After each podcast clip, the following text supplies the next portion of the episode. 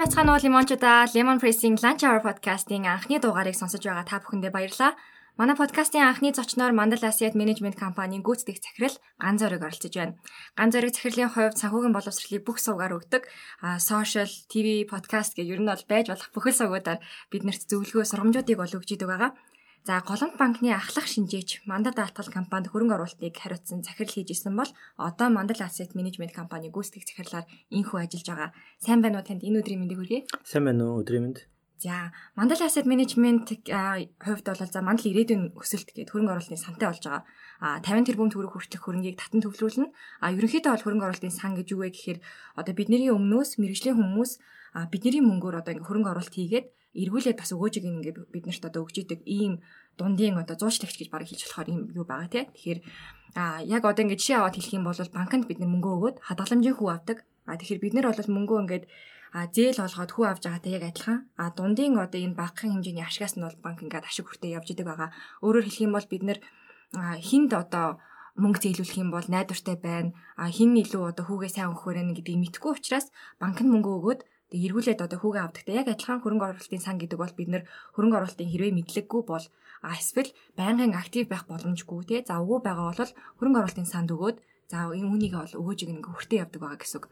А тэгтээ ерөнхийдөө бол одоо Монголд энэ хөрөнгө оруулалтын сан гэдэг ойлголт маань бол бас шинхэн гэж хэлж болох байх л та. Өмнөх бас хөрөнгө оруулалтын сангаас иргэд маань харцангуй мэдлэгтэй болсон учраас хоёлаа шууд одоо гол ярианд орё гэж бодож байна.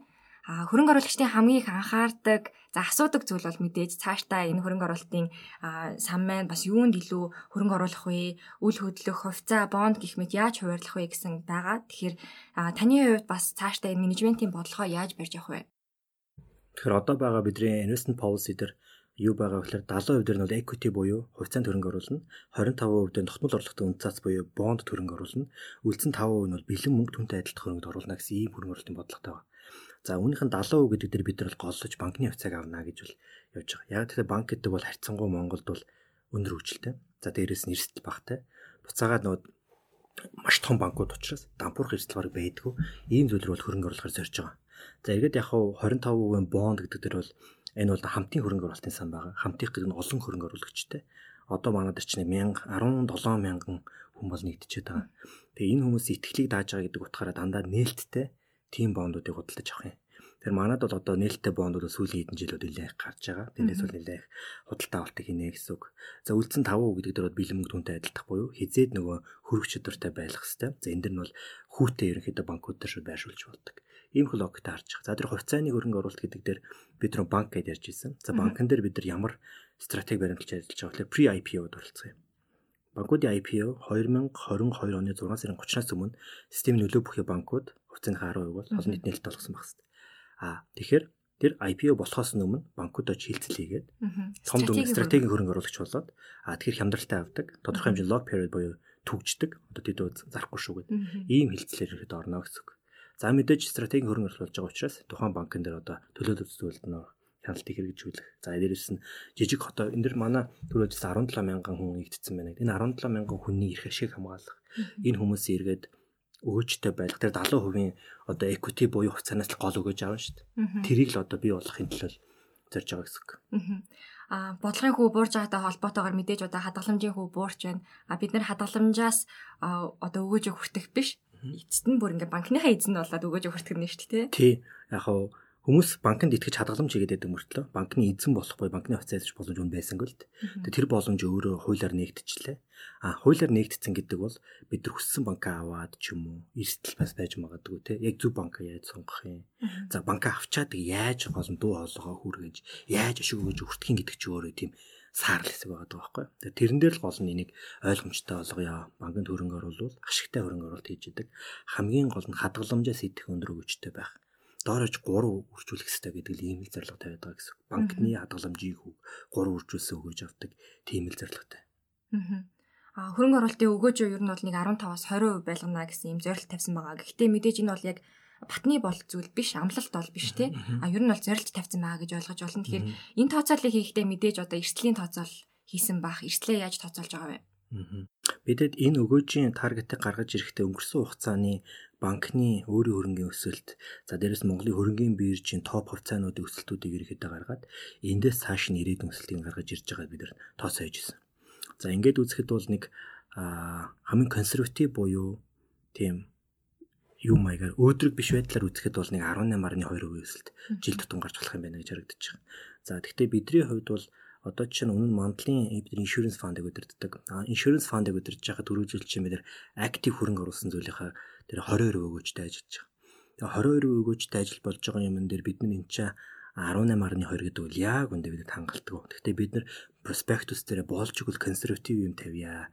Энд дээр бас хит өөдрөг юм тавиад хүмүүсийн хүлээлтийг бас янз янз болгочихгүйгээд нэлээд баг тавьсан. Гэхдээ бидний харж байгаа яг боддог гэжүүл 20% дэшээ л байх хэвээр. А тэгэж хэмээ бид нар чи өөрөө энэ фонд дээр хөрөнгө оруулж байгаа. Тэр хөрөнгө оруулсан дунгийнхаа ашиг өгөөжийг бол 20-с дээш байж ил бид нар бол ямар ч активли хөрөнгө оруулсны бас хэрэг гарч ийна гэж үзэж байгаа. Үүнээс баг байх юм бол төдийлөн бас яг манай хөрөнгө оруулалтын фирмийн хувьд бол хангалттай өгöd биш л дээ. Аа. Тийм байдалтай байгаа. А эргээд эрсдэл талаас харах юм бол яг го банк гэдэг өөрөө бид нар бол 70% дээр банкн дээр үлдсэн 25% дээр нь бол одоо тогтмол орлоготой үн цаас гэж хэлсэн. За тогтмол орлоготой үн цаасны хувьд бол яг өгөөж бол их доктортой л байна л да. Одоо нэг жилийн өмнө бол хаалттай өрөөнд бол нэг 20 20-оос нэг 10 орчим хувьтай. Одоо ингээд нээлттэй гарч байгаа бондууд нэг 14 өнтер гэдээ явж байгаа шиг байна. За энэ дээр мэдээж том дөнгөр орж байгаа үед бол тодорхой хэмжээний өгөөжийг бол нэмэгдэх боломж байдаг. Тэгэхээр энэ бол гол өсөлтөд явчихгүй. Хамгийн гол эрсдэл гол өгөөж бол нөгөө 70% дээрээс л гарч ирнэ. Эрсдэл талаас бид нар бол байж л хамгийн одоо эрсдэл багтаа хөрөнгө оруулалтыг Монголд хийж байгаа. Тэр бол яхаар системийн нөлөө бүхий банк. Ер нь банк дампуурн ч юм уу банк ямар нэгэн асуудалд орно гэдэг бол яг Монгол шиг эдийн засгтай зөв нь олон улс ч гэсэн боломжгүй зүйл. Энийг бол too big to fail гэдэг англи үг байгаа тийм дампуурахад хэтэрхий том. Хэрвээ ийм систем нөлөө бүхий банк дампуурах ч юм ямар нэгэн асуудалд орох юм бол төв банкнаас нь bail out хийдэг засгийн газраас нь заавал дэмжлэг үзүүлж аварж үлддэг. Ягаад тийм болдог вэ гэвэл энэ нөрөө нийт эдийн засгийн өөрөө асуудалд оруулцдаг учраас тэгж явдаг. Тэгээд үзэхээр бид нар бол нэлээд тийм эрсдэлх багтаа хөрөнгө оруулалт бол equity талдаа бол нэлээд эрсдэл багтаа хөрөнгө оруулалт бол хийж байгаа л гэж харж байгаа. За дээрэс нь банк гэдэг бол шууд эдийн засгийн өсөлттэйгээ цуг уялдаад явцдаг. За ингээд харахаар манай Монголын эдийн засгийн өсөлт бол 2023 он энэс бол нэлээд өөдрөг байх юм болоо та гэсэн бидний таамаг байгаа. За үүний суурь шалтгаан юу вэ гэвэл яг харахгүй зэснүүрсний үн бол өнөөш бол маш өндөрт байна. За дээрэс нь хятадын эдийн засаг бол ковидын дараах нөхцөл байдал хамгийн хурдтай сэргэж байна. Гэдэг бол эрэлт өндөр байх юм бас тохиолж ирж байна. За дээрэс нь бас далдуурхайн оюутлан далдуурхай энэ төргээд нэлээд олон эерэг мэдээллүүд бол гарч ийн л т. За дээрэс нь төмөр замын асуудал нэлээд нааштай сонсогдож байна. Энэ бүхэн нийлээд бол Монголын эдийн засгт бол нэлээд тийм эерэг дүр зургуудыг авчирад 2023 24 онууд бол өндөр эдийн засгийн эдийн засгийн өсөлтийг авчрах нэ. Энэ эдийн засгийн өсөлт дээр бол яхаарахгүй банкуд бол дагаал өсөлт аваа явчихдаг. Тэр утгаараа бол нэлээд өндөр өгөөжийг бол бий болгож болох юм байна гэж байна. За бүр bottom line дээр ирээд явлаа гэхэд бол аа тэрийг бий болгох хүчин зүйлнүүд мэдээ зэснүүрсэн ааш огцсон мундахтэй зэс магадгүй 6000 доллараас бол бага болдог ч юм уу те нүүрс магадгүй коксчих нүүрс 50 доллар молроос доошоо ундаг ч юм уу нэлээд бага болж болох баг л та. Тийм эрсдэл гэхдээ их бага болоо даа л гэж харагдаад байгаа. За тэгээд эн чинь бид нар дундаж өгөөж ярьж байгаа 10 жилийн дундаж өгөөж те. Тэгэхээр муу жил бол байхыг үүсэхгүй. А тэгтээ дунджаар удахад бол өндөр байна гэдэгт бол нэлээд өндөр үе ихтэй л байна л та. Аа а 70% 25% гэхээр үлдсэн нэг 5% нь бол мөнгө болон түнтэй адилхан хөрөнгө гэсэн байгаа л да. Энэ дээр крипто валют орж байгаа юу?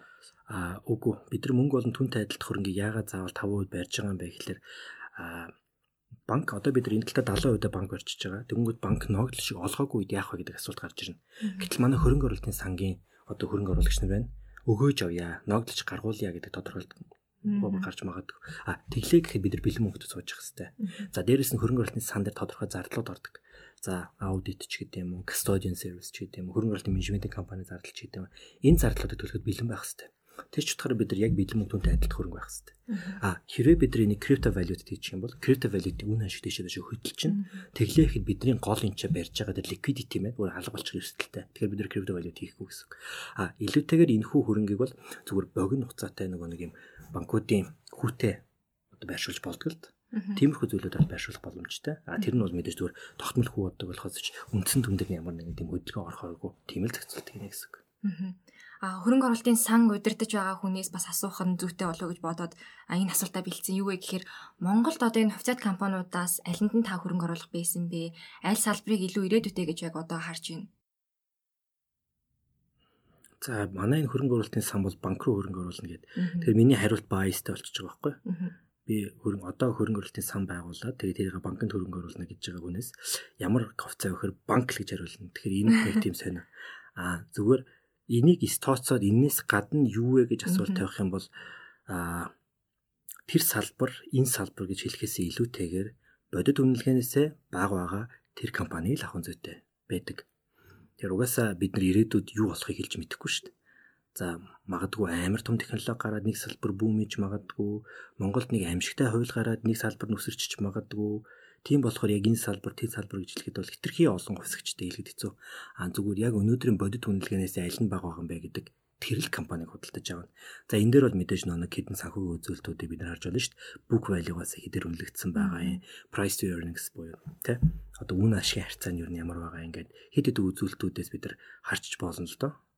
Тэндээс харж байгаа л бодвол ер нь альва бүх юм одоо бодит үнэлгээр урт хугацаанд төгтөг гэж үздэг. За хүний амьдралч тэр санхүүгийн бүтээгдэхүүнч тэр яг л тийм байдаг. Магадгүй одоо хүн дээр зөвлөлөхэд ур чадвар муутай мөртлөө амар одоо од болцсон байна гэж бодъё л та. Тэглээ гэхэд тэр хүн урт хугацаанд бод тийм байхгүй юу? Санхүүгийн бизнес яг адилхан одоо компаниуч гэсэн яг адилхан. Амар хөөсрөөл ингээл гоё реклам явуул гоё явж иж болно те. Тэрийг санхүүч хүн хараад нэвт таньдаг л байх хэрэгтэй байхгүй. А биш байна. Энэ бол одоо PR-ийн үндсэн дээр би болсон хөөс байна. Яг бодит хүнлэгийн юм бэ? Яг бодиттой хөрөнгө нь юу байгаа юм бэ? Яг бодиттой одоо cash generate хийж байгаа юм уу? эсвэл үгүй юм уу гэд энэ зүйлийг олж харж ижил бод түнлэгийг гаргаад тэгэл ямар салбар байхаас үл шалтгаалan хаанч мөнгө гэж болдог л байхгүй. Аа стартапуудад хөрөнгө оруулахыг та нь юу гэж бодож байгаа вэ? Яг гарааны бизнес эрхэлж байгаа хүмүүсийн хувьд аа яг одоо а хамгийн төвөгтэй асуудал нь гэх юм бол яг нөгөө нь үүсэж хөгжиж байгаа учраас компанийн үнэлгээг нь гаргахад аюул хэцүү байдаг. А стартапуудын хувьд бол яг ингээд бодиттой биетэй юм юусоо байдг. Өөрөөр хэлэх юм бол нэг хэдэн программистууд болоод энэ захирлынх нь тархинаас ахуулаад тий одоо удирдлага нь ямар байгаа, цаашдаа яаж ямар чиглэлээр ажиллах вэ гэдэг энэ зорилтууд нь л тухайн компаниг тодорхойлоод идэг. Тэгэхээр зөвхөн одоо энэ хөрөнгө оруулалтын сантай холбоогүйгээр яг энэ чиглэл рүү одоо стартапуудад хөрөнгө оруулахад юунд илүү их анхаарах хэрэгтэй вэ? Монголын технологийн салбаруудын ирээдүйг та яаж харж байгаа вэ? би Монголын технологийн салбарын ирээдүг муу харж байгаа хэлчих юм бол хүмүүс намайг үзээ яддаг ш. Тэгэхээр ч одоо эргэл гэж хэлнэ. Мэдээж Монголынхаа ирээдүг сүрэг хардаг хүн гэж байхгүй хаа. Тэр мэдээж эргээр харах хэвээр.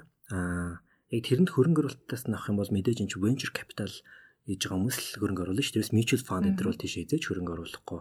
Би чинь insurance fund өдөрж исэн. Тэгэхээр insurance fund-с тийш эзэж хөрөнгө оруулахгүй. Энэ чинь нэг эрслийн түвшин нэлээ өөр л дөө. За эргээд нөө venture capital одоо fund маягийн хүмүүс чинь яаж явах вэ гэхээр энэ стартапууд хөрөнгө оруулаад баг мянгад нэг ultimate success гэдэг ийм goal-тэл орж байгаа шүү дээ. А тэрнээс ч бол бүгд ашигтай ажиллахгүй энэ стартапуудын нэг нь гайгүй явна гэдэг маяс нардаг. За мэдээж стартапын үнэлгээ гэдэг бол амар тийм tricky part те.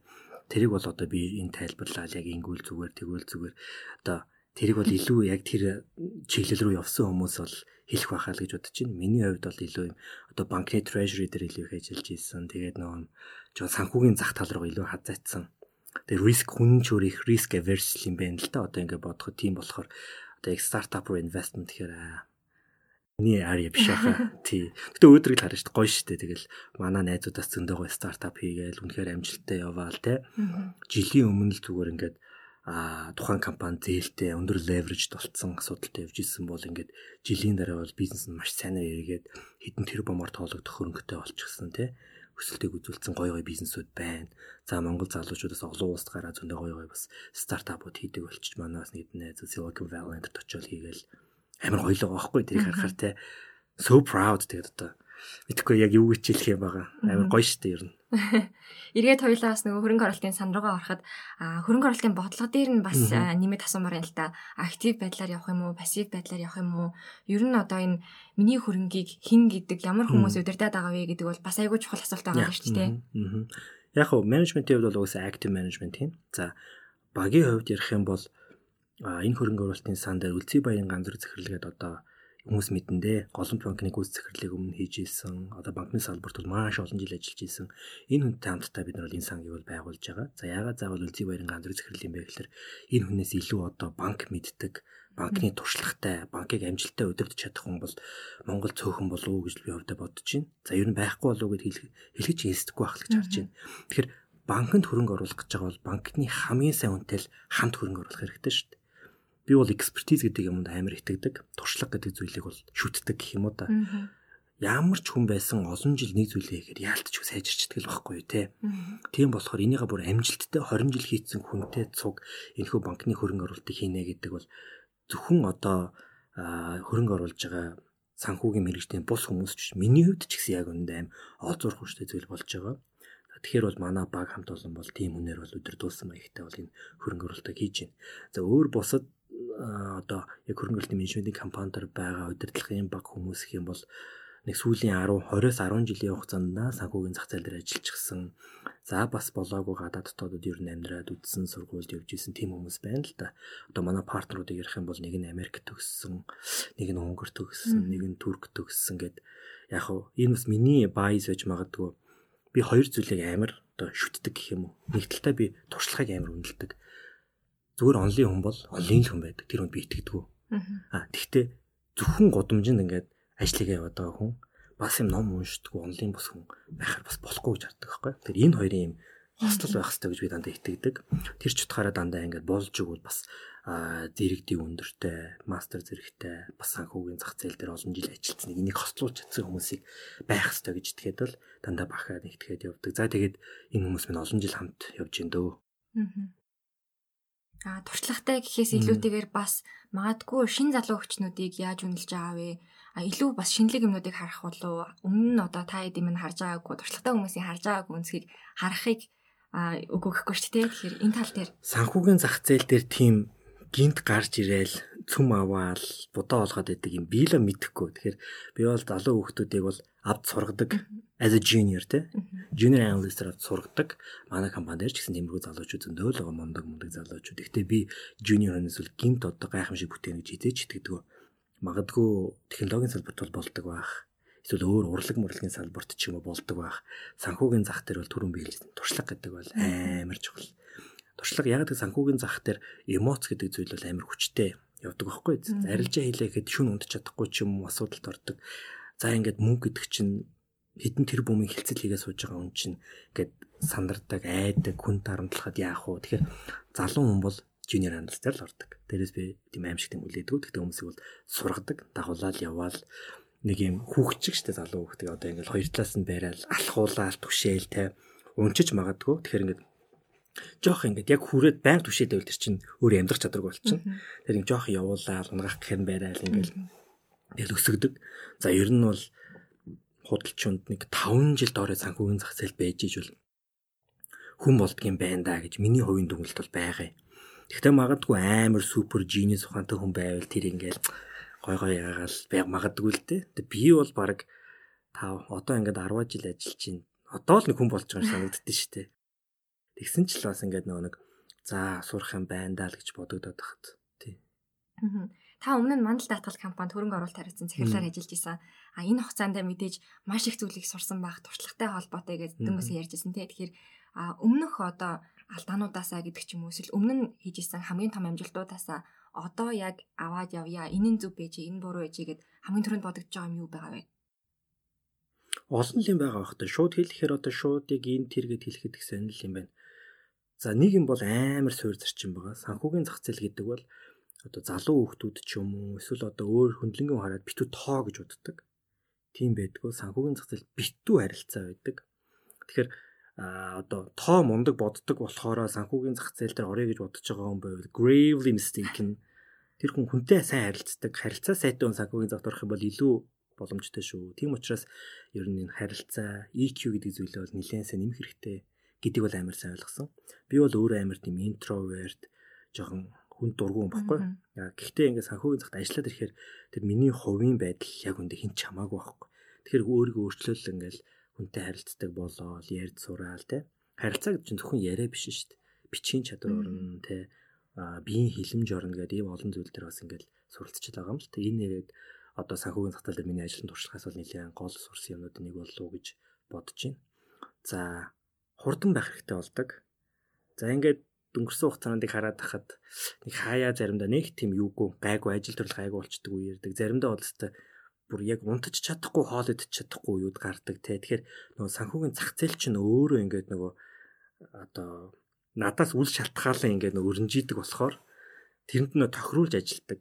Тэгэхээр санхүүгийн зах зээл дээр яг тэр тусмаа яг энэ хөрөнгөний зах зээл дээр ажиллаж байгаа хүн байх юм бол өөртөө зориулж ажиллахгүй яг зах зээлдээ зохицуул зохицож өөрөө ажилладаг гэдгийг амар сайн ойлгох хэрэгтэй. Тэгэхээр юм өөрийнхөө таавар мавар ажилладаг хүн байх юм бол бас их дими өөрийгөө өөрчилсөн дээр тийм болдог. Та тэгэл жишээ нь ихэд Нью-Йоркийн бирж чинь орой нийцдэг те. Тэгэхээр чин хэрвээ ямар нэгэн байдлаар Нью-Йоркийн биржээс ямар нэгэн трейд хийсэн бол шүн арилжаа чи явна те. гэдэг ч юм уу. За тэгээд нэг позишн авчаар хүн чинь хэцүү шүү дээ. Тэгээд ингээ харна. Аа тэгээд тийм болохоор сэрлэг ингээ санаа зовоод шүн мөн ингээ хэцүү байдаг хгүй. Буцаагаад хизээж хааж магадгүй. Тиймэрхүү л байгаад байдаг. За өөр сонирхолтой сурсан кейс. Ер нь хүн амжилтаас юм сурдаг бах уу?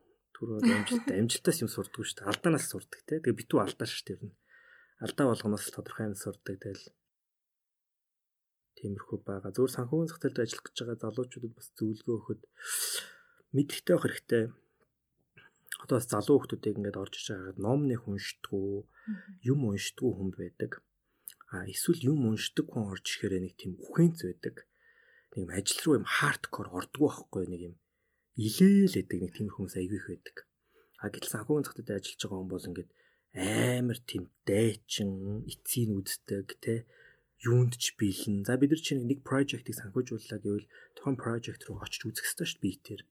Зөвхөн тоо хараа суух хэсэг байхгүй. Очоод үйл хөдлөхөөр санхүүжүүлсэн бол барилгын очиж ийлж үзээд ингээд хацар мацаар наагаад эзэнтэй нуулзаад харуултай нь хэрэлдээд ингээд бүх төрлийн процесс болж байгаа байхгүй. Тэрийг амар сайн менеж хийдэг, ойлгодог, хардаг байх хэвээр. За тэрийг харчаа дээрээс нөгөө бид рүүлсийг бодит үнцийг харж чаддаг байх хэвээр. PR-нд ерөөсө хууртж болдгоо тийм хүмүүс байхгүй. Тэгэхээр чи ингээд за окей зөндөөгөө реклам явуулсан. Гэхдээ яг бодитоор ямар байгаа амар үнэтэй за хаавас барьцсан юм байна. Тэгээ хийцэн өртгөн хэд юм бол те барьцаан тавьчих юм байгаа мó байхгүй мó сток дээр нь одоо яг барьцаалаа гэхэд ямар нэг юм байх вэ book value нэг хэд болох юм ч гэдэм үү. За эзний өмнө due diligence хийж байгаа шүү дээ. Эцэд нь яг ямар ямар хоорондоо юм асуудал байгаа даа ч гэдэм үү. Тэгэл ер нь тэгэл бүх юм хийдэм билээ дээ. Санхүүгийн зах гэдэг бол бүх юмний л холбоотой болчтой юм билээ. Дэлхийн түүхийг харахад ч гэсэн дэлхийн түүх ч өөрөө санхүүгийн түүх л байгаа байхгүй. Яг нэг юм дэлхийн түүх гэдэг наан юм одоо гоё өнгөтэй хэлбэр дүрстэй юм байхад яг тэрний доор нь саарал өнгөтэй санхүүгийн түүх байгаа байхгүй. Бүх үйл явдлын доор нь санхүүгийн түүх явдаг амар сонирхолтой байж магадгүй за ингээ хазаа би ингээ хазаагаа яриад байдیں۔ зүгээр үсттэй. Зүгээр зүгээр. Нэг сонирхолтой жишээ гэхэд тийм 2 дугаар данги байгаа. Тэгэхээр 2 дугаар дайны бид нар Хитлер гэдэг хүн гарч ирээд л мундаг диктатор болоод л одоо лидершип үзүүлээд л хүмүүсийг яагаад л сүлдө диктатор болоод л дайн хийгээд л ингээд явсан гэж харж байгаа. За тэнгуут энэ дэр 2 3 төрлийн гой гой түүх гарч байна. Эхнийх нь болонгууд жоох эдийн засгийн нартай хамааралтай түүх гэж магадгүй. Энэ дэлхийн 1-р дайны дараа Версалийн ордонд дэлхийн 1-р дайныг эцэлж бол гэрээ зурж байгаа шүү дээ. А тэглээ гэхэд одоо Герман улсыг бол Европын холбоо Европын холбооч гэж Европын улсууд за дээрс нь Америк бол маш их өрн тавьсан байдаг юм байна л да. За та нартай ахиулсан асуудалтай байсан. Тэгэхээр маш их мөнгө төл.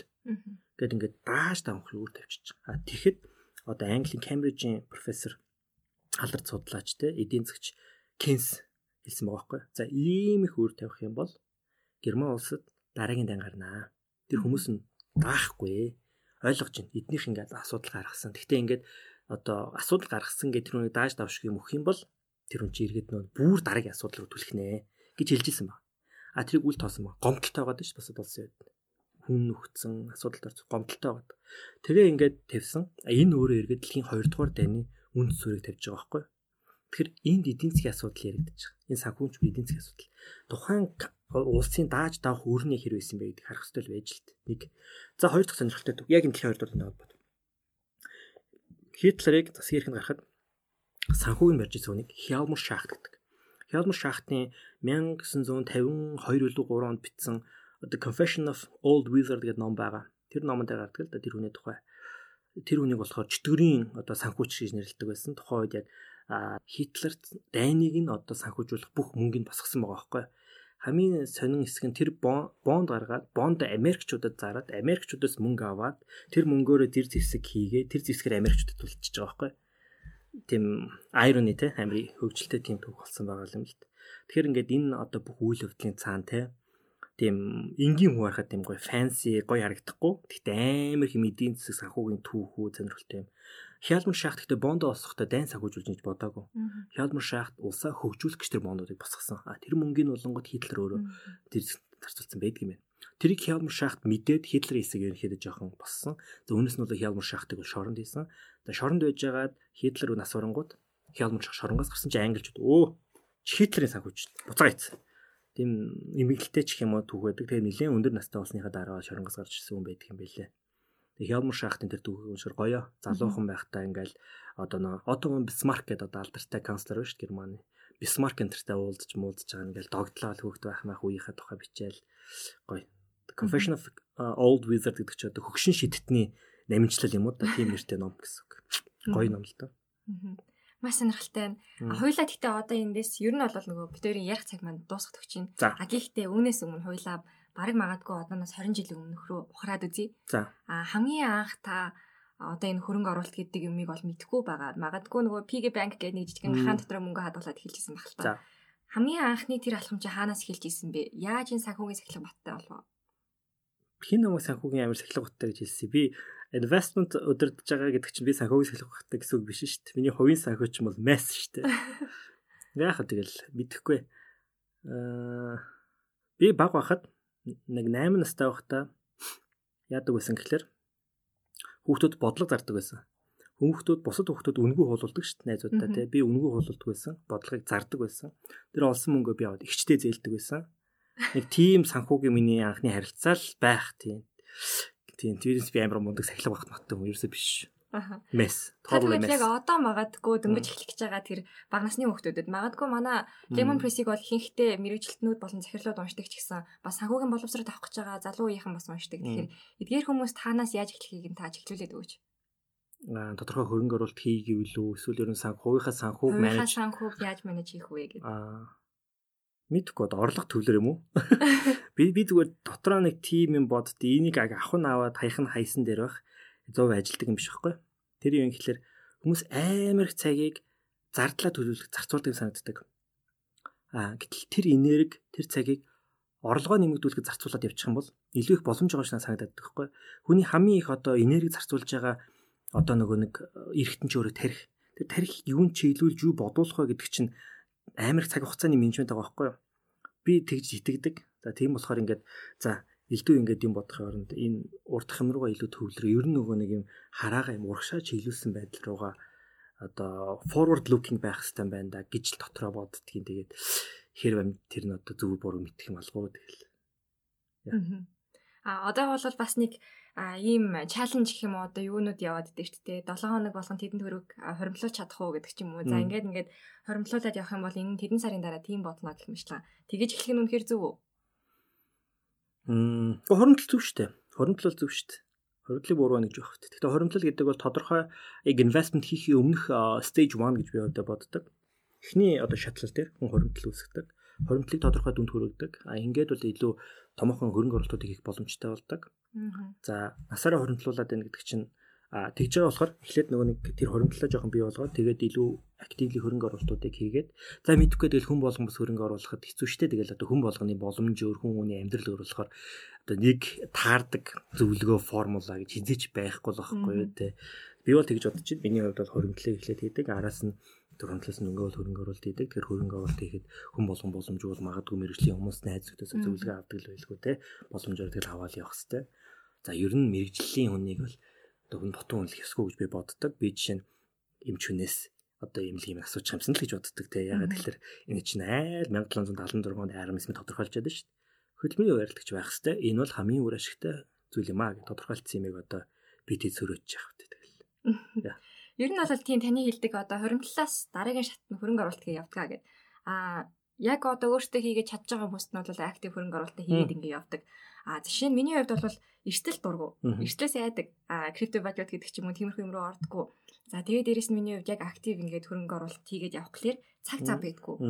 А гэр бүлээ зохиоцсон хүн бол ингээд шөнийн цагаар арилж байгаа хийгээд ингээд байх боломж байдгүй.